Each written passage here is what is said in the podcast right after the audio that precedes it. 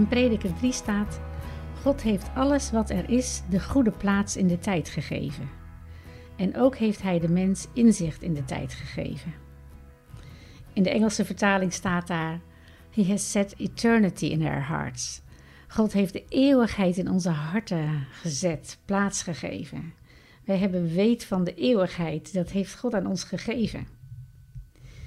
En uh, in het thema Liefde brengt ons thuis, kijken we naar dat er onrust is als we leven in die spanning tussen wat God ons belooft en hoe we daarin onderweg zijn.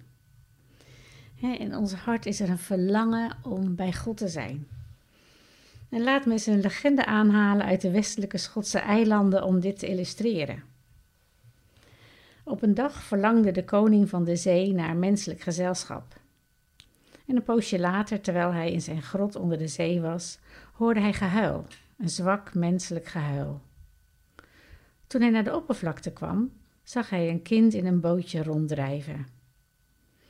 En hij was bijna bij het bootje en hij wilde het kind pakken, maar toen kwam er net een reddingsboot aan en hij miste zijn prijs. Maar, volgens de legende, toen de reddingsboot wegvoer, maakte de koning een kopje met zijn handen en gooide een drup zeewater in het hart van het kind.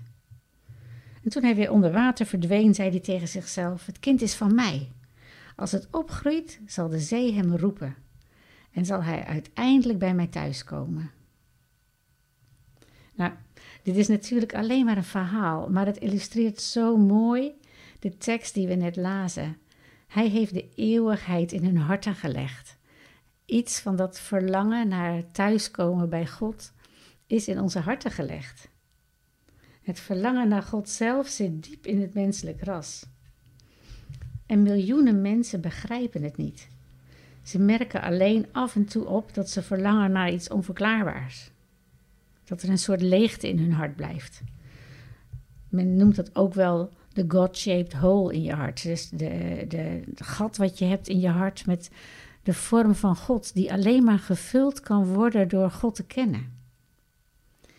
En misschien verlang jij ook naar iets dat je niet kunt identificeren. Zou het kunnen dat je je hart nog nooit hebt geopend voor God en zijn Zoon Jezus Christus? Als je dat nog nooit gedaan hebt, doe het dan nu. En bid dan dit gebed met mij. Hemelse Vader, ik zie dat U en U alleen mijn ziel echt kunt voeden, vullen en verzadigen.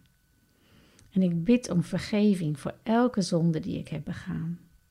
Neem dat van me weg, reinig me en maak me een volgeling van U. Red me in Jezus' naam. Dank u, Vader, dat u altijd trouw bent en dat u de levende God bent. Amen.